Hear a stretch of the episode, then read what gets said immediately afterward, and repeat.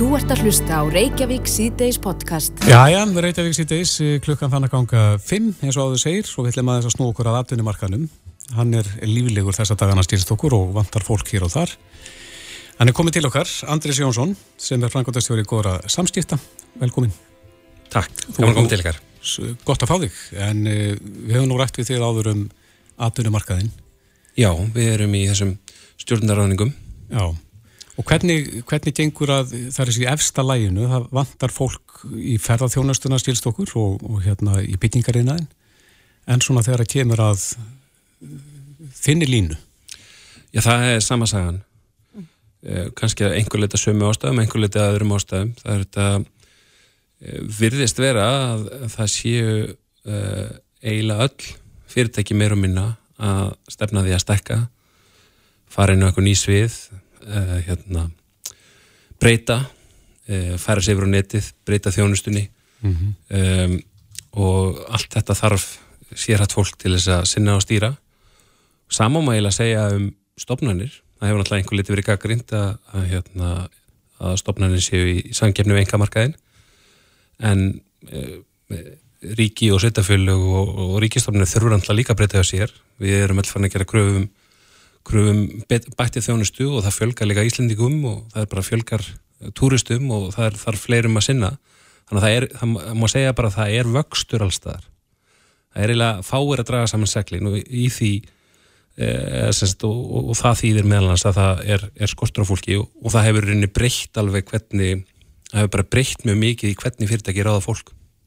Er ennþá þessi miklu leki á starfsfólki frá engadýran miður til ríkisins?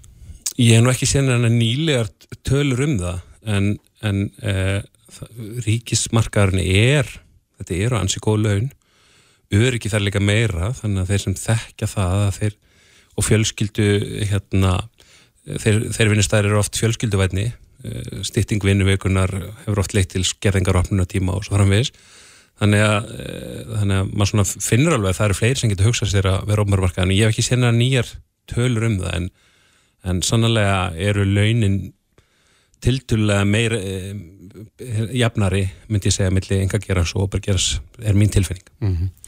Svo fáum við fréttir af því að Veslunin, hún er að, að sjálfvirkni væða sig, ný Veslun það sem að engin stafsmaður kemur nálagt þessu ferli. Egu eftir að sjá meira af því núna í nánastu framtíð? Já, ég held að þróunin sé að fara að verða gríðarlega hröð í þessu og, og hérna til skamstíma mun það þýða að það þarf fleiri sem að geta unni við þessa breytingar og, og e, fólk, ef að fólk getur hérna lært og nýstörf og svona þá eru mjög mikil tækifæri. En til langstíma lítið mun þetta þýða þetta að í mörgum greinu þá verður bara miklu mannsöndi mun koma miklu sjálfnar við og þetta er rauninni byrjað. Það er í rauninni vilja flest fyrirtæki í dag taka við símtölum uh, taka við tölvupóstum mm -hmm. þau vilja bara að þú fyllir inn í hérna, uh, eitthvað fyrir fram ákveði ferli sem að mannsöndin kemur sem minnst nálagt og, og ég, ég held að það sé muni gerast mjög hratt núna því að meðvutundin um þegar það er komin í sér samanbörður þá er meðvutundin um það hvað það tekur langa tíma að afgreitt máli síma eða vera við einhvern sem bara er að taka við einhver svona bara hver sem er getið tekið tíma starfsmanna fyrirtækja og svo bara, heyrðu, ég vil hérna fór svörfið þessu og svörfið hinnu e, þetta er svolítið svona eigða út þjónustu og þjónustu í dag það eru miklu flóknar að eiga það eru einfaldar en það, þú þarf líka að vera góður í því að eiga, eiga samskipti við fyrirtækja því að þú, það er ekki þessi breyting hérna, að þú vilt fá að vita hvað er hvort það séu hérna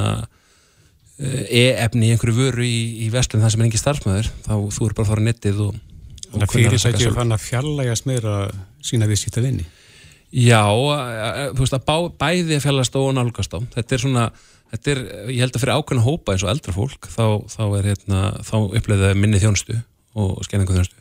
En það, þannig að, jú, þessi kraftar eru á baku þessar breytingar sem eru að verða meðlans á ráningamarkanum og, og, en við sjáum að bara þessi skortur að allir vilja ráða og stekka og hérna fara í nýverkefni og vanda til þess fólk. Það eru fullt af íslenskum fyrirtækjum sem eru með fjármagn bæði frá innlendum og ælendum fjárfæstum sem eru með áallinum að ráða mjög marga. Og þetta fólk er að mörgulegt ekki til þannig að það er verið að stela því á milli. Og, og þetta er að hafa því áhrif að ráðningamarkarna breytast þannig að þetta er að verða meira svona eins og bara hver önnur uh, hérna sölustarsimi, að þú ert að selja fyrirtæki sem vinnustæð mm -hmm. áður fyrir var þetta þannig að þú settir kannski auðlýsingu í aðdunublaðið og, og, og á einhverju vefsíðu og þú férst bara umsóknir og starf ráðningar annars nýrast um það að vinnur þeim umsóknum, bóða fólki viðtöl og taka próf og svo framvegis. En núna snýst starf ráðningar annars miklu meira það um að abla umsækjata og það hefur búið til pláss fyrir fyrirtæki eins og okkar sem eru sérhæði því að abla umsækjata sem myndu að ell ekki sækjum en uh, það þarf líka samt að nota það er ekki nóg að nota alveg eins og okkur það þarf alveg eins og í annari markasetningu að það þarf að nota bara marga leiðir. Það þarf að nota starfsfólki til að tala í kringu sig það þarf að bæta ímyndina, menninguna það þarf að fara svo margar leiði til þess að, til þess að ná í fólk. En við tölum hérna á þannum og notum orðið hausaveiðar.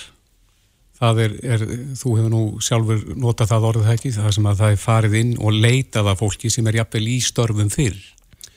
Já, þetta er svona grótalegt kannski svolítið hugtak en, en flesti þekkja og skilja hvað áttir við. Að, og hérna, jú, það hefur náttúrulega bara stóraugist mm -hmm. Og, við finnum það alveg að, að því við vorum eh, mitt, ég og mitt heimi vorum í bandaríkjunum á rástefnu með öðrum svona hérna, e, fólki sem vinnir við svona leit af fólki mm -hmm og hausaveðar og það er, það er heimin og haf yfir því hvað þau fá hvað er auðvelt fyrir einhvern sem vinnir í bandaríkjónum eða á Íslandi e, að ná í fólk. Út í, í bandaríkjónum þá bara er fólk svo þreytt á því að það sé verið að hafa sambandið að bjóða í störf að það, það bara blokkarar eða svarar ekki en á Íslandi er búið ennþá við það að við getum fólk er ekki ennþá orðið það vantisu að við, við fáum svör frá flestum sem við nálgumst en, en hérna en þetta er bara breytt að núna er, eru þeir sem eru góður í sínu starfi, geta sér gott orð eða er í eftirsóttum starfum það sem er skortur á fólki að þeir með búast við að fá nokkur atvinnum tilbúið hverju ári. Og hvað er þá, hver er gullrótin þar? Það er alltaf að breytast, við sjáum það í að e, auðvitað eru skipta launmáli en þau samt skipta ekki höfumáli, þú veist, fólk vil líka fá að vin, það, það spyr svona gaggreinni spurninga um hvernig menning vinnustarins er hvernig er, er hérna, eru áallinni fyrirtækis, það þarf að kynna miklu fleiri hluti, hvernig mun teimi vinna saman? Uh, hérna uh, hvernig fæ ég að eiga þátt í því, hvernig fæ ég að setja mitt marka á þetta mm -hmm. uh, hversu raun eftir þetta rón, hversu margir munu nota þá þjónust og vöru sem við erum að þróa mm -hmm. eða bjóða upp á það er mjög margt sem að fólk hérna spyrum núna og gerir kröfurum hjá vinnustæðinu sem það ger ekki áður En hvernig fyrir þetta ferli fram sem hausaveðri, bara fyrir þá sem ekki þekkja þetta? Farið inn í önum fyrirtæki, steliði fólki, annar staða frá? Já. Já, þú veist, innan gæsalappa? Innan gæsalappa myndi ég segja, því ég held að rétt eins og fyrirtæki geta í rauninni með réttu í saminu við ráningarsanning sliti ráningu hversum er og sagt fólki upp allan í engagerunum að þá eh, finnst mér það ekki rauninni vera stöldur þó að einhver, einhver, einhverjum býðs betra starfa að hann taki því starfi. Mm -hmm Eh, við auðvitað ef við erum að vinna fyrir einhvern eh, sem eh, við kannski stelum ekki frá þeim sem við erum að vinna fyrir þá stundina eða er okkar viðskiptavinnir en, en, en við erum bara rauninni að nálgast fólk bara eins og bara eins og banki er að nálgast viðskiptavinn annars banka sko mm. en hérna bara bjóða þeim eitthvað betra og, og hérna e, og samfaraði um það að skoða það Finnir þú fyrir því Andris að viðþorf fólks til vinnu sé að breytast? Það var óttur að tala um nýjar kynnslóðir. Já, mjög mikið. Hvernig það? Ég vinna skiptir nýjar kynnslóðir bara ekki nær því að miklu máli að þar segja hún, hún er ekki mikill fókus. Uh, hérna, þetta var þetta bröðstritt og við kannski tókuð það svona í arf kynnslóðunar uh, svona ákveði vinnusýðferði Íslendikar sérstaklega svona stert segði en það eru við bara nýkominum moldakofunum og erum búin að þurfa að berjast uh, hérna, við, verum, það hefur verið hörlífsbarat á Íslandi í í öldum saman. Mm -hmm. en núna er bara lífspartan ekki efn hörð. Við sjáum það bara að þú veist krakkar er í tíu ára eru með 200 skrona síma og, og hérna veist, það, þú þartir henni ekki að, að hérna, streyta ég mikið. Er vinnusið fyrir því að minka?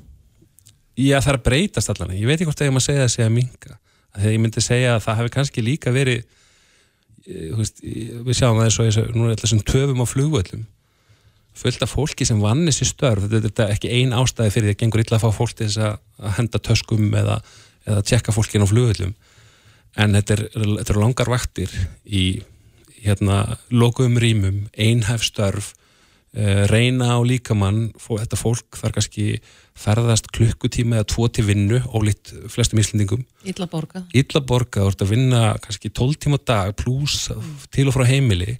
Þú ert að vinna 14 tíma og svo, svo mistur þess að vinna í COVID Já. og fattar allt í henni, ok, ég fæði einhverja bætur og svo, heyrðu, ég kannski bara inn á leikskóla eða eh, selti hérna unni eitthvað smá hér og, og, og náða mér eitthvað tekjur hérna selti leikt út eitt herbyggi og þú hugsaði bara, heyrðu, af hverju var, þú, þú fegst tíma til að hugsa, af hverju var ég að strita svona mikið? Mm -hmm og, og hérna þannig að það er bara eitthvað sem hefur bara breyst að, að hérna, vinnuaflið búið að fatta að, að, að hérna, það þarf ekki að mæta í erfið að vinna fyrir lítið laun. Einmitt. Látum þetta vera loka orðin Andris Jónsson, frangotastjóri góðra samskipta. Kæra það ekki verið komina. Takk fyrir mig. Þú ert að hlusta á Reykjavík C-Days podcast. Reykjavík C-Days heldur áfram klukkan 27 myndu gengin í 5 og um, umferðarmálinn hafa verið mikið í umræðinu núna í sömar en það var það tilkynnt núna ekki alls fyrir löngu að tilstæði að taka gjald uh, fyrir aðgangu öllum göngum á landinu til þess að fjármagna þá framtíðagöngin meðal annars. Já. Vilhelmur Árnason, þingmaður og formaður samgöngunenda þingsins er komið til okkar. Velkomin. Já, takk fyrir. Já, þetta, þessar fréttir af þessar gjaldtöku leggjast misvel í fólk. FIB til dæmis leggst alfari gegn þess og þeir vilja taka upp kilometragjald frekar. Hva, hvar stendur þú? Já, ég er náttúrulega ánaðar með því á meðan að fólk leggst gegn gjaldtöku því að aukinn gjaldtöka er náttúrulega aldrei góð. En í þessu tilliti þurfum við bara að skoða það hvernig hérna staðan er og en okkur er, það kalla mikið eftir stórum og öflugum samgöngu framkvæmdum að veðkerfi þarf að stakka með aukinu umferð og auknum túristum, auknum öryggiskröfum, stærri atunu og vinnusóknarsvæðum og allir þessu og þannig að það er gríðarlega mikilvægt og við þurfum að finna einhverja leið og gjaldtaka á vegum er ein leið til þess.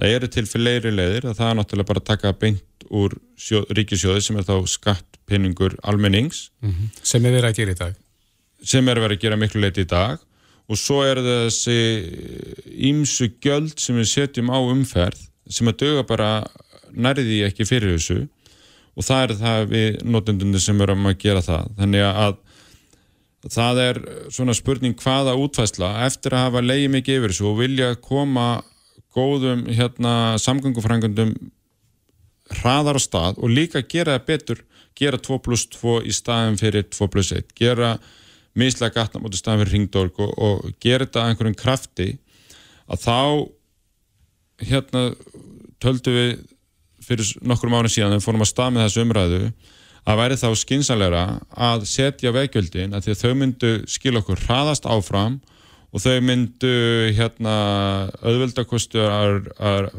fá þá okkar elendi gesti þess að borga mest með okkur í þessu að það sé ekki við einn litla þjóðin í stóru strjálbílu landi að byggja vegakerfið. Það bara gengur aldrei upp. FIB hefur enda bent á það að sko innhemtu kostnæðurinn er, er mikill uh, við veggjöld. Það fari ómikið af, af þessum kostnæði við að reka kerfið í það að rukka. Já, það fyrir alltaf eftir hvernig þetta er sett upp og, og, og hvernig þetta er gert og það er kannski í grunninn er það sem að hérna, innvegar á þeirra að kynna núna að stopna félag um þetta og er ég sammála og, og það er það sem við gerum með keppleikaflugl, það er bara lendingagjöld þar sem að reyka millilandaflugullin við borgum flutningsgjald fyrir rávorkuna þannig er rávorkukerfi byggt upp. Þannig að við erum að leggja til að þú bara borga gjald fyrir að kera veginna, svo bara mhm. spurning hvernig á innnemta En kílometragjald eins og FIB Já, kílometragjald er einlega til þess og ef við erum tilbúin að taka þá að herra kílometragjald en þá þarf bara að skoða það. Er þá landsbygðin að fara að borga meira? Hverjir eru að, að þá ertu kannski fann að borga meira fyrir að keira í vinnuna frá hver að gera til Reykjavíkur heldur en að borga vegtollin uh, hvernig er það hlutallega milli innlendranótkunar og, og erlendu gestana og annars líkt, það er bara um að gera að taka þessu umræðu, ég er ekkit að segja að veggjöldin sé eina leiðin mm -hmm. en, en það er svona leiðin sem við tókum sem hérna skynsarlustu leiðin, en munurinn er kannski því sem ég er að hefur verið að tala um og það sem ráðherran hefur verið að kynna núna að það er að taka gjald af einstaka vegfrængundum hérna eins og yfir Ölvisabrú í göngunum öllu. Það er kannski dýrgjaldaka en með, með þrjár megin stopnaðin út fyrir höfborgarsæðinu að þá er innheimtan ekki farin að kosta mikið. Þannig að svo er bara fleitið tækninni og þekkingunni svo hratt fram í þessu að að sá kostnaður er þið alltaf minn og minni og betur og einfaldar í útfæslu en ég hef engar áhyggjur af því en Nú, að skoða hvort þetta er að fara inn í kilometragjald ég er alveg til í það en við meðum þá þau ekki þurfa að búa til allskins afslatta og styrta sjóða móti til þess að landsbygðin leggist bara ekki af mm -hmm. En svo hefur líka verið bent á það að það er verið að taka hellingsskatt af bifræðum í dag sem að er ekki að skila sér í, í framkvæmdir.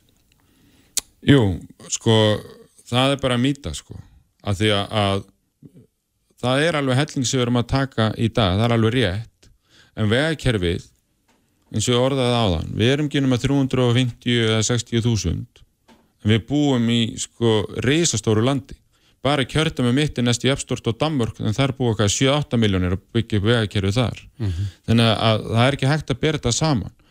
Og við erum að taka vörugjöld og, og, og og, og bensíngjald og allt það sem að, veist, ég veit ekki nýjustu upplýsingarnar en hérna þegar ég skoða þetta hvað dýfst síðast þá voru við kannski að taka í svona gjöld einhverja 14 miljardar en bara vegfrangandir ára voru 24 miljardar þar eru við sko 10 miljardar sem við erum að taka úr öðrum sjóðum ríkisins. Þannig að það er ekki rétt sem haldiði fram að, að þessi gjöld fari ekki all í... Nei, það er bara eins rámt og getur verið og, og hérna og þetta eru 14 miljar eitthvað sem eru þessi beinu byrjaðegjöld sem að var hérna áður fyrr kannski búið að hérna, breytast það eru búið að dragast sama núna út af nýjorkubílum og öðru slíku en þetta eru svona 24-30 miljar sem við erum að setja í vegfrængandir og þá erum við ekki að tala um vegþjónustuna eða rekstur á kerfinu eða allt annað sem tengist þessu. Þannig að svo maður ekki gleyma því að sem tengist umferð bíla, þjóðverðandi vestmanni til dæmis herjólfur og, og rannsóknir og allt þetta sem það er að gera í kringum þetta, það er svo þarfur utan líka. Þannig að okkur vantar gríðarlega peninga í samgöngumál til þess að skapa hagust, auka öryggi og bæta lífsgæðin hérna mm -hmm. og en, við þurfum að fara einhverjar stórtakari leðir til þess að ná þessu fram Já, þú stingur upp á því að þarna séu þrý stútar Helliseiði, eh, Vesturlandsvegur og svo Reykjanesbreyti vantarlega. En væri það þá ekki skattur á þá sem að flakka á milli þessara svæða? Þannig að þeir sem flakka innan svæðan eða utan þessara svæða, þeir þá taka ekki þátt í þessar uppbyggingu? Já, sko, þarna... Fólk sem að, fólk sem að býr í Reykjavík vinnur fyrir austan eða vestan eða, eða öfugt, það væri þá fólki sem að held þessu uppi? Já, sem að myndi halda hérna þessu stóru leitinu til uppi, en þannig er lang, lang flestu þá erlendi ferðamærindi sem kera þessum sveiði. Þannig við myndum þá fá aðra til að borga hlutastlega meira í þessu og þannig er líka lang, lang flestir þannig að þá er hægt að hafa gældi lagra, hafa, hafa innheimtuna minni staðan fyrir að dreifi svo farri og hafa þetta þá herra. En samlega þessu, þessari tilug, þá voru við svo sem er tilugana um að rukka í öll jargung líka. En það er þá læra gældheldi heldur en er að tala um núna.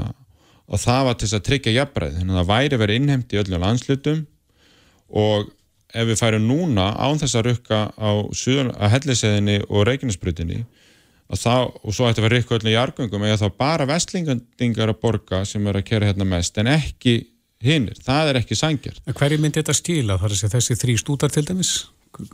Hver, hverju væri það stíla í ríkiskassan á árið? Það, það fer náttúrulega allt eftir því hvað gældi er hátt sem er því ákveðið. Hvað er sásöka þörskuldinni þar? Uh, við, sko, það sem við hérna, þegar við reiknum um þetta og kynntum þetta um árið haustið 2017 og tölum hvað mest um þetta þá, að þá voru við að tala um svona 100-150 krónir ferðina og svo dýrara fyrir þá sem var bara að fara einstaka ferðir. Og við vorum að reikna að það ætti að döga til þess að gera þá tvöfaldan veg vel út búin með mislega gatnum út af annað alveg frá sko holdakjörðum og upp að flugstulegs Eiríkssonar og, og austur á hellu Suðlandsvegurinn og upp í Borgarnes. Þannig að þetta er því að gjaldækan myndi döga þessu mm -hmm. og ef að gjaldækan kæmi þá inn í jargöngunum líka að það væri þá alltaf svona lámarki einn til tvenn jargöngi í gangi og hvert skipti. Þannig að það væri hægt að halda jargönguna frangandinu og enn ættu við samt afgang til þess að fara enn meiri krafti í tengivegi og viðhalda vegum út um all land þannig að með þessar aðferð myndir að skapa svýrum til þess að fara í hérna miklu starri vegfrangandir að því að tengjaveginir sem er innan sveita vegar hérna út um allt í öllum sveitafélagunum sem verðum að hvetja til saminninga er verið að samina þjónustuna vinnusóknarsvæðin að stækka þessi vegir eru bara mjög illa á sig komnir og þarf að, að virkilega átak og miða við það fjármaks sem er að fara í þá núna tekur 80 ára að klára að laga þá mm -hmm. En þarna getur við spýtt verulega í ef við færum þessa leið en ég er ekkit að móta einhverju öðrun leiðum en það þurfa bara, þetta þarf að vera hvað sangjarnast og hvernig fáum við okkar alveg gestis að borga sem mest með okkur í þessu. Mm -hmm. Ef ég skildir rétt að þá finnst þér til að ráð þeirra núna ómikið bútasömmur? Já, mér finnst vera og mikið að vera að rukka á einstaka leiðum sem að eru kannski fáfarnar, þá er innheimtukostnæðurinn farin að vera miklu að herra hlutfall og, og þá er líka erfir að ná jafnbræðinu á milli landsmanna eftir búsiti. Mm -hmm.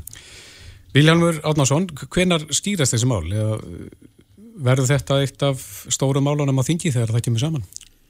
Já, það er nefnilega með svona vist, umdeild mál og, og, og svona stóra breytinga vilja oft taka tíma eins og ég segja, það eru fimm ár sem við byrjum að tala um þetta að krafti og svo hefur þetta verið að þróast einhvern veginn, nú er hodnafjörðarfljót komið í þetta og Ölfus á brú og Öksi, þannig að þetta farið á stað. Og nú er hann að koma með þetta frumvarp sem við munum þá vantarlega fjallum á þinginu í vetur. En að margt getur skýrst í vetur að því að samlega þessu er í fjármálaráðanundu verið að skoða heildar gjaldtöku af umferð. Og að í drauma heimi finnum við einhverja laust þannig að við getum bara haft eina innheimtu. Við þurfum ekki að vera með bifræðgjald, bensingjald vörugjald að bíl og svo hérna sem eru innflutningsgjaldið og svo einhverja vegtalla og vonandi getum við saman þetta allt saman í einhverja eina einfalda gjaldtöku og, og hver veitnum að það verði sko. Mm -hmm. Viljarnur Ráðnarsson, formaður samgöngunemndar Þingsins, takk fyrir komuna. Takk fyrir mig. Þetta er Reykjavík C-Days podcast. Þú styrtist í stærstu ferðahelgi ársins. Já. Margir sem verða faraldsvæti. Já, faraldsvæti. Já. En e, neyðalínan, hún náttúrulega spilar mjög stort hlutverk þegar að neyðin er stæst. Þá er númeri sem að fólk ringir í 112. Og allir eiga þekkja. Allir eiga þekkja, þannig að þetta er vantarlega verður uh, stór tími fyrir neyðalínuna. Á línunni er Tómas Gíslason sem er aðstofa framkvæmdastjóri neyðalínuna. Komdu sæl. Blessuð, takk fyrir. Já, þið eru vantarlega að undirbú okkur fyrir, fyrir þessa miklu ferðahelgi? Já, undirbú og undirbú ekki, við erum bara alls bara tilbúin. Já. Já, við vitum að ferðahelginni og höfum náttúrulega verið að reyka áróðu fyrir góður í skemmtun. Mhm. Mm í allt sumar mm -hmm. og settum við í lofti reynda líka einnig tveir appið fyrir já reyndar allöngu en endur nýju það í fyrra vetur já. og með tillit til þess að það hefur gagnast ferðamannum ágætlega að skilja eftir slóð og, og tílikt en, en svo hefur við svona í samtali við kannski þá sem er út á lífinu, skemmtanum að það er margt sameigjast kannski með því sem að appið býður upp á og geta haft samband við neðalínuna, látið vita af sér, mm -hmm. skilið eftir slóð, ef þú ert í einhverjum aðstæðum sem að þér líður einhvern veginn ekki á vel með, mm -hmm. að þá getur það verið góð hugmynd. Getur appi komið semst, í staðin fyrir það að, að ringja í 112? Já, þú getur haft bara samskipti í appinu bara eins og þú gerir í Messenger á Facebook og bara beintið neðarvörð og hérna og þannig kallaði eftir hjálp eða allavega látið vita og það er kannski sérstaklega við ef þú ert, hefur áhugir af einhverjum og, og vil koma að skila bóðum þannig sett til lauruglu mm -hmm. að þá ertu kannski ekki beint að kalla til hjálp. Ég ætla ekki að draga úr því að ef þið vantar hjálp syngdi í einni tveit það er lang fljóðlegasta leiði Einmitt. en appið getur komið sem svo á príðileg viðbútt þess að margar aðstæður þar sem að kannski já þú hefur bara ágjörði að vinkonuðin hafi verið byrlað kannski, þá viltu láta vita af því þarna á þessum stað, þessi gauru að gæla, eitthvað skrít veist bara, mm -hmm. það er svona í anda þess að við höfum verið að reyka áróður fyrir í sumar, hérna, góða skemmtun ertu, er allt í lægi mm -hmm. að bara vera pínlítið afskiptasamur hafa svona samúð með þeim sem er með þeir í átjaminu eða í skemmtunum Já, þannig að þið viljið að fólk veiti meiri upplýsingar heldur en færri og Já, ef eitthvað kemur upp á þá. Algjörlega og, og eins líka bara út í hátíð núna út um Alland fólk sem vaknar kannski var sík alveg hræst í gerðkvöldi og bara vaknar og drýfur sér í bílinn að kera heim þú veist skiptum okkur bara þess mm -hmm. bara, þetta er ekki lægið, komum að fáum okkur hérna eina pulsu viðbótið eitthvað. Ég sé líka hérna að þetta, þetta app byggir á hörnu fyrir heyrnalust fólk, það lítur að hafa notfast sér þetta þá töluvert. E, Já, það, við byrjum að setja það í loftið fyrir, í, í bara samfunni við heyrnalsingi á Íslandi. Já. og erum þar svolítið að kannski taka upp eftir hérna sambarilegu hópi í hérna Danmarku Þannig að við svona nýttum okkur hvað hefði gengið vel þar og settum þetta í loftið undir þeirra merkjum 2016 held ég. Og hefur fengist bara mjög góð reynsla í gegnum þann hóp sem bara sennilega hefur ekki kost á að tala. En e, síðan eru bara svo hefur við notað þetta líka fyrir ferðamenn láta vita af sér hvar þú ert eða þú ert að fara í ískrifur eða eitthvað eða láta vita þú telur þið vera hugsanlega í einhverjum aðstæðan það sem er ekkit alveg örugt að þú komist tilbaka. Mm -hmm. og þá er það er enginn að fylgjast með því hvað þú setur inn á þessu appi. Fyrir að þú veist, lendir þá í einhverju vissinni það sem er þá skoðað, er þetta appnótandi skildan eftir einhverjur upplýsingar?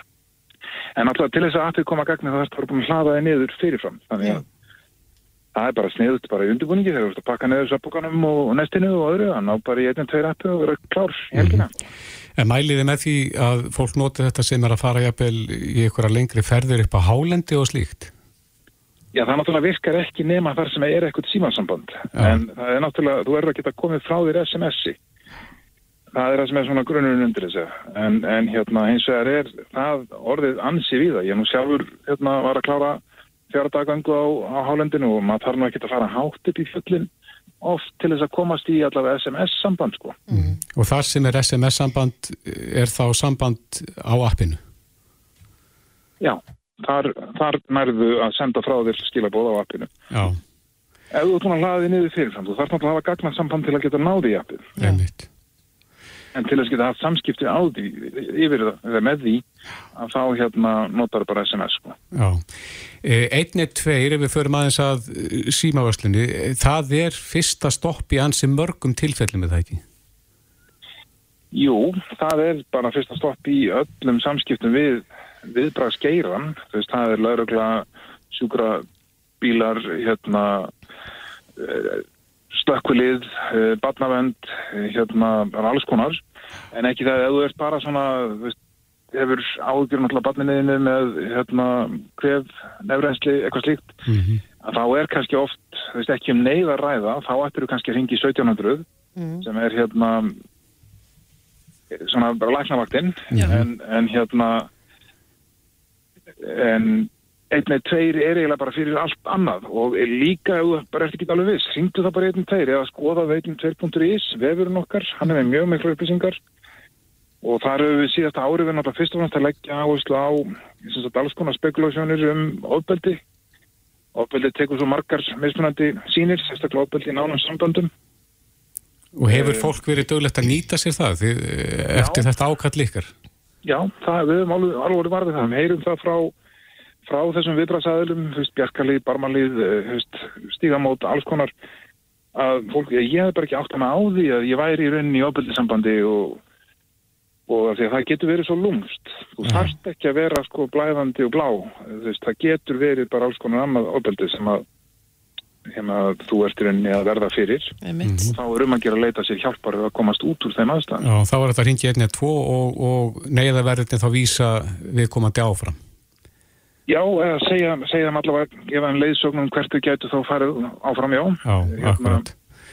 Þetta er svona, þetta er hjálp til sjálfsjálfar að sömuleiti, mm -hmm. við sendum ekki sko sjúkrabílu eftir kannski í öllum tilugum allavega ekki, ekki að þú hefur haft komist í það að leita þér aðstofar nógu stemma Nei. að þá kannski sleppuðu við að senda sjúkrabílinn og þú færð hjálpina í tæka tí Já, þið metið meti aðstæður. Já. En að því að við erum að tala um neyðina kannski einn spurning hérna frá hlustanda hvað með dýrin? Er, ef að dýrin er í neyð er þetta að ringja í, í ykkur? Við, erum með, við, við erum ekki með dýralegna tjónustöðun ég veit eins og að að það er einhver bakvart að þjónusta hérna, dýralækna en neyðalínan er nú ekki svona settin sem e, skilgrendur aðili í því en ég veit að mitt fólk hefur oft vísað á þetta númer bakvart hérna, dýralækna á hérna allavega á höfbókarsvæðinu veit ég Já, akkurat. Ég er ekki vissum að það nái til við átum landið en já, svo kannski eru já, neyðir dýra afgreitar öðruvís út um landið heldur en á höfbrukarsæðinu, ég veit það ekki. Einmitt. En stóra helgi nálgast að þið viljið að, að fólk nái þetta app og hafi einni, tveir appið í símanum. He heitir Já, það ekki það einni, tveir Æsland inni á uh, Það þessum app einnig þjónustu? Tveir Æsland inn á bæði hérna Play Store og, og hérna App Store. Store. bæði á Android og, og Apple. Og það kostar ekkert að, að, hérna, að downloada Nei, þessu. nei, kostar ekkert, nei, nei. Nei, við mælum með að fólk gerir þetta ef ekki er búið að redda sér þessu fóritin nú þegar. Já, já, Að ná sér í það. að gera. Mm. En Já. þó fyrst og fremst að eiga bara góða skemmtun og koma örug heim. Já. Tökum undir það, Tómas Gíslason, aðstofa frangvandastjóri neyðalínunar. Kæra þakki fyrir þetta og gangi ykkur vel. Þetta er Reykjavík C-Days podcast. Það segir hér í frétt, eh, í fréttablaðinu að það sé óvinni mikill músagangur vegna flugna skorts. Þar er Í borginni. í borginni. Það er rætt við Guðmund Óla Stefing, myndireiði í þessari frétt, en Guðmund Óli er á línu, kom til sæl. Haldur sæl, og komið sæl. Já, sæl. Óvinni mikill músagangur segir, hvernig lýsir hann sér? Ég, það er byrjað að ringja, þetta er núna aðalega í aðarbyggðunum og svo náttúrulega inn í Reykjavík líka. Það hefur verið, með fólk hefur verið að fá mísinn til sín og, og, og, og hérna, mikið er í görðum og svona og, og, og hérna, maður hefur verið að bregðast við því. En hann, hann, hann segir náttúrulega í fréttablaðinu flugna en þetta er náttúrulega, ég var að tala um að vera frekar mikill skor, skordýra skoftur í raun og veru, það hefur verið. Er, er það það sem að ungarnir lifa á? Já og, og, og líka bara það, það, þetta kemur allt svo rosalega sent sko fræ og annað þetta sko þær hafa ekki haft mikið að geta svo er búið að vera svo kallt og, og, og blöytt og allavega þannig að þetta er bara alveg típist dæmi að, að hérna, þær hæja aðeins á sér sko. Já. Er fjöldi músa eh, fljótur að fara úr böndunum? Ég, þær fjölga sér mjög rætt, er það ekki? Jú, það fjölgar sér á, á 26. fresti er það með 4-11 unga eftir hvernig ætið er og, og, og síðan er 48 dögum setna þá byrja þessar sem voru að, að klekjast út sko. Já. En eru þær þá að leita í húsakinni að því að það er ekkert handaðum að geta utandira? Já, það er, það er að leita inn til okkar til þess að fá mat, það er ekki að leita út af kuldaðininn, það er, það er hafa bara ekki til að geta. Nei, ert að tala um hagamúsina? Já, ég er að tala um hagamúsina og hinn er líka úti, sko, húsamúsin er líka úti en, en, en hérna, og það hefur verið að aukast miklu meira uh, með, með húsamúsina, hún er, hún er náttúrulega að, allan ásins ring, sko. Já. Hinn dregur sér hlýja svona í september, oktober Einmitt. og, og hérna, en, en síðan, sko, já, og byrjar ekkert fyrir bara þegar vorar, eða byrjar að vora. Já. Það hefur- vorað voðalega hægt hérna, finnst mér, sko. Já. En þú segir að þetta sé aðalega í, í jæðrinum á borginni. Já, en maður er, að- maður er að fara inn í, inn í borg, sko, og jafnvel inn í 101, sko, það sem er köttur í öðru hverju húsi, sko. En þeir vilja náttúrulega ekki svona villibráð, sko. Er þeir og latir? Já, þeir vilja frekar að mamma taki upp túnadór, sko, Já, svoleiðis. eru svo góðu vanir. Já, ég segi það, sko. Já, já, þetta er bara... En þú ert að tala þá í rauninni um útkverjun eins og Garðabær, Kópavógur, í aðrunum eins og þú segir, Gravarholtið. Já, já, já. Það hefur verið mikið og síðan hef ég náttúrulega tekið til því, ég er náttúrulega búin að vera í kringu 20 ári í þessu, að það er rosalega lítið um geitung, uh, sko, trjágeitungin. Trjágeitungurinn hefur bara verið opbúslega lítið á ferðinni og lítið af hunnársflugu. Þetta segir manni ímislegt að einhverja breytingar eru þarna á ferðinni. Í lofslæðinu, já. Já, Já, hvað heldur að valdi þessu núna? Er, hefur tíðin verið eitthvað óvennileg? ég, það er búið að vera svo kallt, sko. Þetta er alltaf, ég 7-8 gráður, 9 gráður, 10 gráður og, og þessi bú sem ég, er að taka og við erum að taka, þetta er bara, þetta er bara eins og lítið lappi sína eða eitthvað fyrir þessu. Þetta er ekki orðin einn stór bú, eins og var hérna áður fyrr. Er minna um geitunga símtöl til þín í ár? Já, rosalega. En ég á náttúrulega vona því það, þannig að hólugeitunum kemur í júli-ágúst. Já. Hvar er hann núna þá? Hann er bara, er, er, er já, það sé ekki bara að byrja að skriða úr, úr hreðrunum að finna sér hólur eða, eða eitthvað til þess að komast í. Mætir hann En- setna í partíið? Já, hann mætir alveg einum og hálfu mánuði setna eitthvað lið, sko. Já, já. Er hann ekki talin vera svona uh, stjæðastur? hann er rosalega, getur verið rosalega aggressífur en, en ég, eins og ég hef alltaf sagt sko, þetta er ekki dýr til að vera klappa sko. Nei, maður að láta það vera.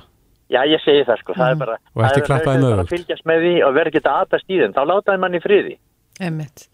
En svona helstu útköllin þín, er það músa veðar eða hvað? Já, það er, það er nú, það er músin og það er silfurskottan, við náttúrulega erum, við búum í þannig húsnöðum að, að það myndast ofta raki og, og fó- svo lofta fólk ekki nógu vel út og allavega en, en silfurskottan og, og músa og, og svo alls konar bjöllur sem er á ferðinni og, eins og hambjallan og, og að- það bara alls konar hlutir í gangi, sko. En þarf fólk að flytja út þegar það er eitra fyrir eins og silfurskottunni?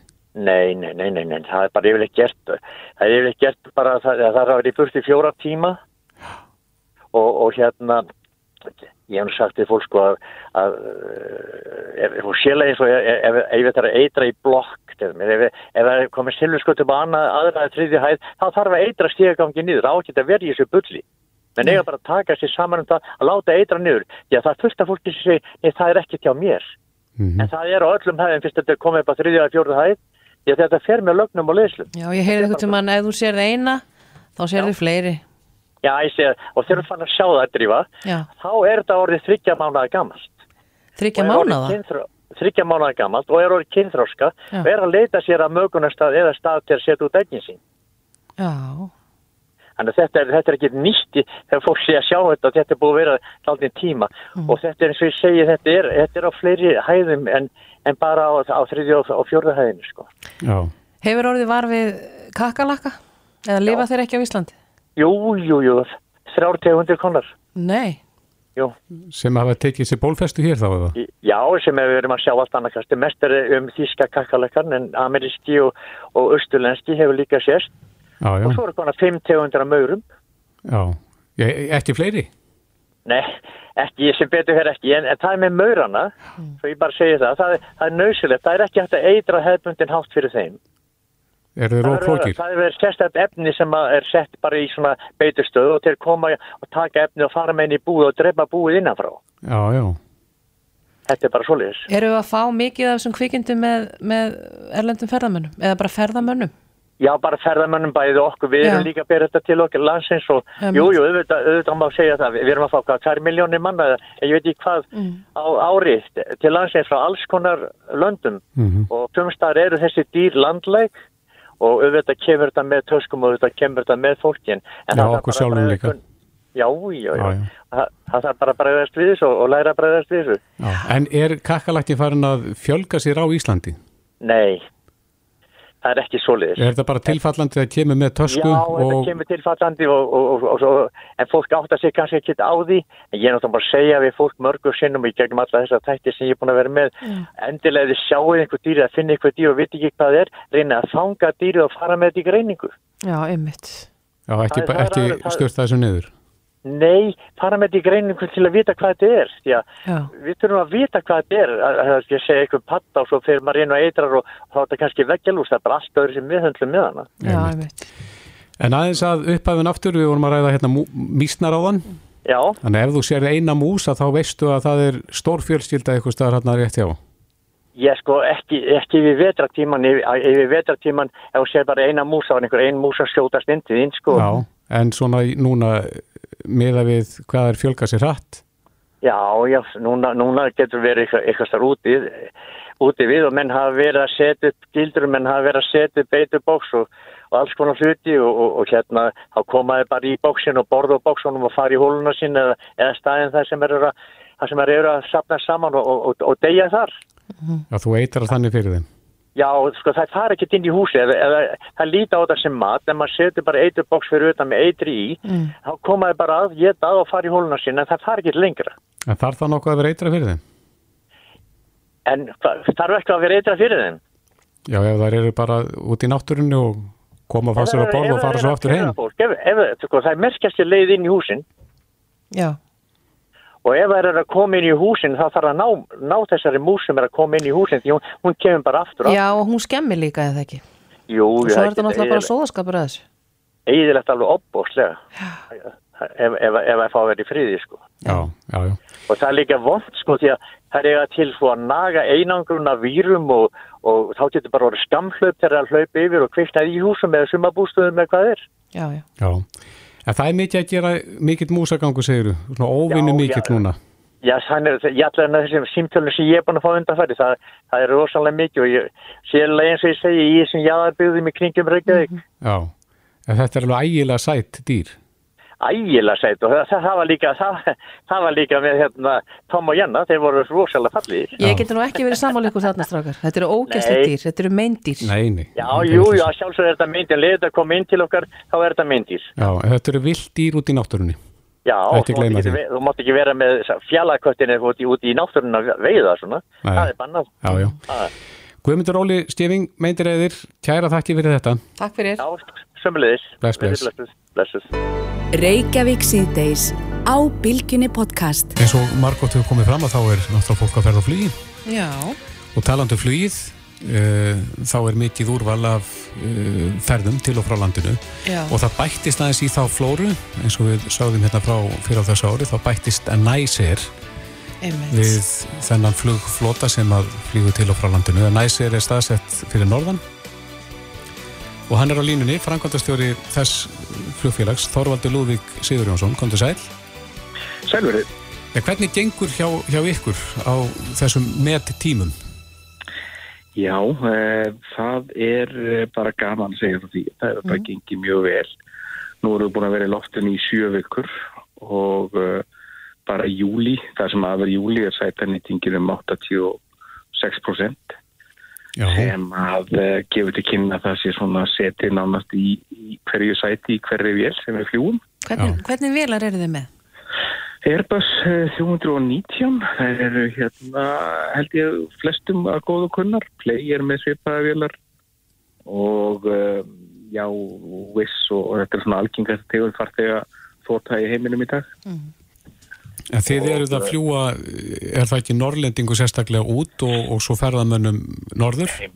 Jú, við höfum náttúrulega við förum að stað með þetta verkefni á grundvöldi rannsóknar sem að gefa til kynna að ferðamenn, erlendi ferðamenn vilja gerðan sjá mun meira á landinu heldur en söðu vesturhófni Já, og það hefur kannski helst skort á aðgengi af uh, restin af landinu. Það er, eins og við vitum, mikið ferðarlega að fara frá Keflavík og norður og, og svo aftur úr landi að fara að norðan og, og til Keflavík þannig að við höfum tilfinningu fyrir því byggt á grundvöldi eða, eða á grundvöldi okkar rannsókna að það væri markaði fyrir ferðarmenn til þess að koma bent norður. Og í sjálfu sér uh, verði þeirra einsland sína fram á það, ekki síst í ljósið þess að fljóðlega eftir að við byrjum þá fóru svona erlend flugfélag svolítið að máta sig við þetta mótel og nú hefur Condor, þetta þýska flugfélag tilkynntum að þeir muni hefja vikulega flug frá með mæmánuði næsta ár þannig að ég held að sé eftir ég held að fólk sé svolítið að vakna upp við það að Ísland er daldið eh, kannski stórasta land í heimi en, en mun stærra en, en, en verið hefur til þessa. já, en hvernig gengur síðan að, að finna gistingu fyrir þá ferðamenn sem að þið eru að fljúa hingað? Það er akkilega hellin og sérstaklega yfir hábergræði tíman yfir sumamánuðina og það er einfallega eins og við höfum áður líst, það er bráða aðgjör heilnægast að byggja hér tvö hótel annars vegar eitt þryggjastjórni 200 herbyggja og eitt eh, fjórastjórni 100 herbyggja og hér er bara auðlýst eftir, eftir hérna eh, tápmiklu mönnum og konum til að koma og, og byrja að taka grunn en, en hérna uh, Er það komið í ferli, veistu það? Það er sko, Íslands hótel eru búin að kefta náttúrulega sjallareitin og, og síðasta balli í sjallanum hefur verið haldið í allavega einu sinni mánuði undan farin ár meðan að beður eftir því að byggja á þeim grunni. En uh, ég skulum sjá hvort að þau, þau hérna, sjá ekki hagsin eða sængsin útbreyta í því að, að, að hefja byggingu. En svo er kannski annað í þessu að sko af því að hótelplássið er svona lélegt yfir sumamáliðina þá erum við svolítið mikið að, að markaðsetja Norðurlandi sem vetrar áfangastöð. Já, Það eru það Norðurljósin og vondaverið og svona bara íslenski veturinn sem er ekki síst söluvara. Hve- hvernig gengur að bóka fram í vetur? Það gengur bara ágætlega. Íslendingurinn eh, heldur sig við að fara bara eins og við, sjáum auðvitað að heimamarkaðurinn er að fara mjög þétt á kaupmannahöfn og bara ferðast til og frá sem sagt eh, kaupmannahöfn. Hvaða áfangastæðir hérna, hvaða áfangastæðir fljú, fljúið til Við eh, erum með, í augnablikinu erum við bara með Tenerife og, og Kaupmannöfn. En við reiknum með að bæta við og við munum á næstu vikum kynna vetraáallinu okkar og það bætast fyrir áfengustæðir við. Við ætlum að fara að staða með London og Manchester líka eh, eða við ætlum að fara að staða með London í júni. Að svolítið hérna brestur á því og, og, og við erum að fresta þeim áformum. Hvað stendur það mál núna? Það er bara jágætið farvegi og það heilir undir að við getum bara bóðið upp á þetta eins og við ætliðum alltaf frá um oktober mánu. Já. Já. Hvað, hvað, hvaða snurða hljópa frá þinn þar? Það er mjög skríti ferli allt saman. Við hérna byrjum viðræður við breskflumálegu völdu 10. mars og það eru lendingar heimildir og fleira í þeim dúr sem að þarf að afla síðan fengum við útgefið flugheimild eða lendingarheimild og flugheimildir til og frá Brellandi 27. mæ síðan fórum við í, í, í umfrúaflýði til Brelland 3. júni og tíu minnum eftir flugtak í því umfrúaflýði þá kom síntali skiptibor næsir og þar sem okkur tjáði við fengjum ekki að taka farþega frá eða, um borð í Brellandi Fenguð að lenda? Við fengum að lenda og fórum tómið tilbaka? og fórum tómið tilbaka. Já. og þetta var náttúrulega kom okkur mjög jótt á skjöldu. Svona, það er kannski vanur stjórnsýsla ef að stjórnvaldi finnst eitthvað upp á vanta eða ábúta á vanta þá kemur fyrirspurn eða ábending eða annað líkt en þarna kom ekki neitt fyrir að þetta verið það að vera niðurstöða þeirra í cirka viku eftir að leiði var útgefið til okkar og við fengum enga tilkynningu fyrir. En sem betur fyrr, þá skautum við fljótt og öruglega yfir þessar nökra og okkur tókst að greiða götu festra þeirra sem að lendu í, boppa út af þessu, uh, bara guðisilof og ég þakka mikið fyrir hversu góða fartega við eigum að, og þólega móða að hafa gengið með okkur í gegnum þetta. Uh, en við viljum ekki telja í og, auðvitað að opna fyrir bókarinn aftur fyrir að þetta er algjörlega gernelt hvernig þetta er. Já, og sér fyrir endan á því? Já, það sér fyrir endan á því, en í meðlítíðinni þá er þetta bara einbínu við Európa-sambandslöndin sem við höfum fullar heimildi til að fljúa til og frá. Og það er það sem við erum að gera í dag og svona þar erum við búin að vera af því að það er svolítið slítið ástand í flugheiminum. Já. Það er mikið um sko áhafnaskort, það er mikið um flugvinaskort, það er, það er eiginlega bara allt eh, hálf tjúla, svo ég bara orðið á þannig. Eftir að COVID-19 var blásið af að þá var auðlust að, að þessi uppsatnaða ferðarþörf, hún var ekki bara hér, hún var út um allan heim og flugfélag vantar í rauninni aðeins til að fljúa fyrir sig og við höfum verið að sinna fíkalt til meðfram áallunarflýjun okkar í, í suma eða það sem hafa verið sumri. Að leia vélarnar eitthvað þá jönur verkefni? Já, og bara veð mann á mús, þannig að hérna, það hefur bara verið bara spennandi fyrir okkar fólk að taka þátt í þeim verkefni. Hvaða verkefni eru það? Við erum að fljúa bara fyrir önnu flugfélag. Hérna, Íslensk? Eh, eitt íslensk, já. Við hefum flóið fyrir Play, en svo hefur við flóið fyrir hérna nákvæmlega nokkar uh, Grænlandi og, og, og svo flugfélag niður í Európa. Þannig að svona meðfram okkar áallina flugi. Þannig að það hefur alveg vel rest alveg ágjörlega úr sumrunni hókur, getur við sagt. Það átt verið þessa, svona, þessa snurru sem var fyrir okkur lögum. Já, það er gott að heyra að, að þið eru ekki að bæti í dotnir og, og, og horfið bjart sinni fram, fram á veturinn, heyris mér? Já, veistu það, þetta er í rauninni eins og við erum að horfa fram að tölur um sætanýtingu. Sko við í áallinum okkur gera við ráð fyrir sætanýtingu upp á 60% og við erum núna með sætanýtingu upp á 86% og uh, sjálfsagt endar það í nær 90% fyrir mánuðin í heilsinni mm -hmm. en eru þetta bara, ég held maður get ekki beðið meira svona. Þetta höfum við ekki hérna stafnað flugfélag áður og byrjaði að ljúa en, en við getum ekki verið annað mjög sáttið þessar mótökur og gríðarlega bara þjættan stuðning sem við finnum á bakvið félagið hérna. Já. Það er gott að heyra. Þorvaldur Lúðvík Sigurjónsson, frangvöldastjóri næsir. Gangi ykkur vel. Hlustaðu hvena sem er á Reykjavík C-Days podcast. Vilja frétt í Ríkisjónarpinu en þar var að talað um aldur reynitrjáa Já, einmitt. Og talaðum að sko líftími reynitrjá, ef ég tekið rétt eftir, er í kringum 70 ár. Já. Þá fara þau svona láta á sjá. En okkur skilst að það sé bara málið með mörg af þessum reynitrjám sem að voru gróðusetti hérna eh, á sínu tíma. Mér finnst, ég verða að bæta það hérna við, mér finnst það mjög heillandi þegar maður finnir í bæ, mm -hmm. þingoltinn, að sjá þessi gömlu tré. Það minnir mér svolítið á útland. Einmitt. En uh, á línunni er maður sem að veit meirum þessi mál, Heimir Björn Jannarsson, gardirkju maður, kom til sæl. Kom til sæl. Já, þetta vakti marga til umvöksunar í gæri, þetta með aldur trjáa, það er sennileg ekki mikið um að fólk hugsi um þessi mál. Nei, það er náttúrulega verið, hvað sem er, þetta er bara trí hafi verið í görðum og verið bara til friðs og þá er þetta allt í lægi og mm -hmm. þannig að fólk hefur ekki verið að svona hafa áhyggjur að þau væri orðin frukgótt eða eitthvað svolítið, sko. Nei. Hver, hver er líftími reynitrjáa, ef við byrjum á þeim? Sko, við getum gefið okkur það að þau verður svona 120-140 ára Já. en sko, eftir 80 árinu þá farðu láta ansi mm. hratt á sjá. Hvernig þá? Það fer að drepa skreinar og ef að koma sára það kemur oft reyni á það, það er sveppur mm. sem er leggst á börkinu þetta fyrir að myndast sár og fúnar og fyrir að vera lítið skraut af þeim í sjálfum sér. Já. Og er það staðan á flestum reynitrjám í Reykjavík? Nei, ekki á flestum en það er bara, voru gífilega mikið, sko, þetta er svona dæmikjar íslensk átakasaga, sko, það farið í mikið átaka að byggja og planta eftir, bara eftir stríð, setna stríð og nú er það bara komið, sko, á, á tíma. Segja, já. Voru þetta aðalega reynitrið sem voru plöntu, já, sem var plantað þarna 1950? Já, fyrir, já, 45 til 55 að þá er mest nota sko bara íslensku reynir og það er auðvelta fjölgun bara týna berin og sáði eins og út og, mm. og þannig að það var bara eins og segja holt var heima fengið og, og svo voru að koma inn í þetta silfurreynir og, og gráreinir og fleira sko mm -hmm. en það er þessi íslenski sem hann verður skamlífar heldur en hinnar reynir tegundurnar Já, en hvað með aðra tegundur eins og til dæmis íslenska byrkið?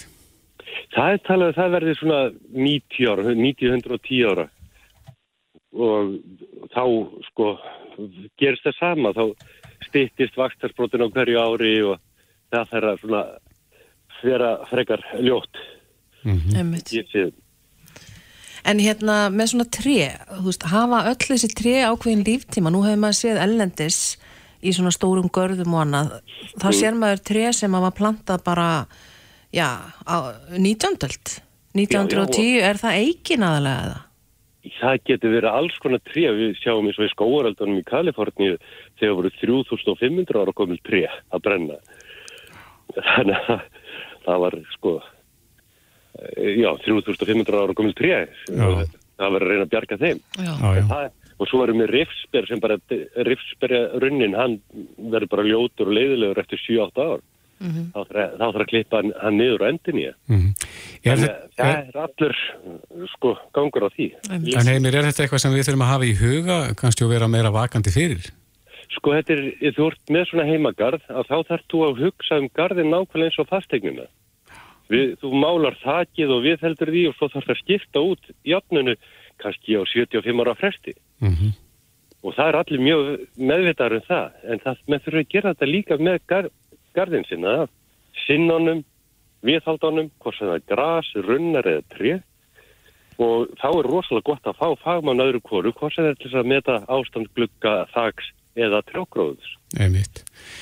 En hvað með aðra trjátegund sem að sumir elska að hata, það er öspin? Já, hún, það er nákvæmlega saman og það er enda líka önnur óg sem stað, eða er svona undirlíkjandi með öspina að þetta er svo fáir klónar, þetta var allt bara klónaræktun á öskunni mm -hmm. þannig að þau hafa, hafa næstu allar sama styrkleika og sama veikleika þannig að þessi þegar við fáum sveppasjúkdómin eða vírusin eða vorkalið eða höskalið þá kemur þetta rosalega högg á öspina það, ég kvíði þeim tíma mm. Hvað verður öspin gömur? Nú vitum við það ekki, hvað hún verður hér, við vitum í heimkynum hennar, þá verður hún þetta 130-150. Og hún er seg? Hún er seg og hún, henni verður sklíðað mjög vel hér á Íslandi, hún verður efnis meira enn í heimkynum sínum, bindur meira kólefni og er meiri og stærri stopn heldur enn í heim í Alaska sko. Mm. Hún er hraðsbrottinn, hver, hver er hæsta öspin á Íslandi í dag, veistu það? Hún er, ég held að þessi komin í 22 metrana sko. Já. Og þetta eru aspir sem voru að því aspir á Íslandi sko, þær eru ekkert í alveg ræktun fyrir en eftir sko hret 63, Mm. 1963 þannig að það eru, það eru bara 50 ára sko Já. Og komnar í þessa hæð þannig að það verið fjör eftir sko 100 ár þegar að garðirki með þess tíma að fara að fella aspir í heimagörðum sko En hvað, er lífsegasta tréð hér á landi? Ég ætla að sé ekki, sko, við erum með gamla silfurreini niður í það sem við kallum hérna fókjatagarðin eða gamla víkurgar. Mhm. Það var- var tré sem var plantað 1874. Er það friða þá þetta tréð eða? Ha, það er friðað, já, já, já. Og er hérna utan í, hvað heitir, nýtaði markaðnum. Já. Og plantaði sírbygg landlækni. Já, akkurat. Það, það er alveg vita allt um það tré, sko. Já. En aðeins að, að öspina því að hún hefur verið eins og ég sagði hann að sömur elska að hata hana og hún er fyrir á mörgum stöðum og, og rótarkerfi getur verið ansi fyrir vera mikið. Hve- Hvernig er að, að fjarlæga ösp ef að það er tekin ákvörðin um það? Er það mikið verk? Nei, þetta er aðalega spurningu, jú, þetta er náttúrulega ef það eru stórar, þá getur ekki látað þær að falla því það er falla á húsi eða bíla eða gróðurhúsi eða annað. Þannig að það þarf alveg bara mjög sérhæft starffólk í það. En rótarkerfið? Rótakerri, það- ef þú gerir þetta á réttum tíma þá nær það að drepa hana. Við að barkaskera og þá pumpa hún öll upp og þá fær hún ekki næringu tilbaka og, og rótið sveltur í hér. En það eru miklu sko rætur grenitrjána. Þær eru líka svo grönt. Þær reyðilegja alla túnblæðila hjá fólki og þannig að það sko, það eru öll tré með rætur og bara öspin mjög dugleg og þetta er pínu svona verið að kenna öspinum brotin klóagröð sko. Það er auðvitað fer hún bara það sem hún kemst en hún brýtur ekki rör. Nei. Nei, Hún, hún veit ekki hvað er inn í rörinu sko. hún er höfð fyrir rángri sök þar. Já, Já. þar hefur, hefur einhver pípari klikkað. Einmitt. En heimir, það er eflust margi núna sem er að velta fyrir sér aldrei trjána í garðinum. Er þetta að sjá það með einföldum hætti hversu gömul tríin er? Já, fagmaður, góðu fagmaður getur alveg séð að tríð er, er fallegt eða ljótt og veit að nú er fara að hallunda fæti og nú er passlegt að fara að planta inn nýju tríð, leifa því að vaksa og koma sér fyrir í 8 til 10 ár og taka svo gamla tríð. Þannig að garðurinn verður ekki svona hvað sem að fók heldur eða tilbúrundi tréverk eins og sem við segja sko. Auðun. En að trjánum okkur í Vesturbænum, hvað, hvað er framaldi? Hvað er þetta að gera? Er þetta að bjarga þessu eða verður að högva þau? Ég sko, það verður, að gera, bara alls ekki fara að gera þetta einhverju átaki. Þetta þarf bara að breyta um pínu hugsun, setja plan, skiplag, nákvæmlega eins og þegar við erum að flytja inn í nýtt hús og það er húsfélag samþýtt fyrir því að þegar skiptum það næstu fimm árum.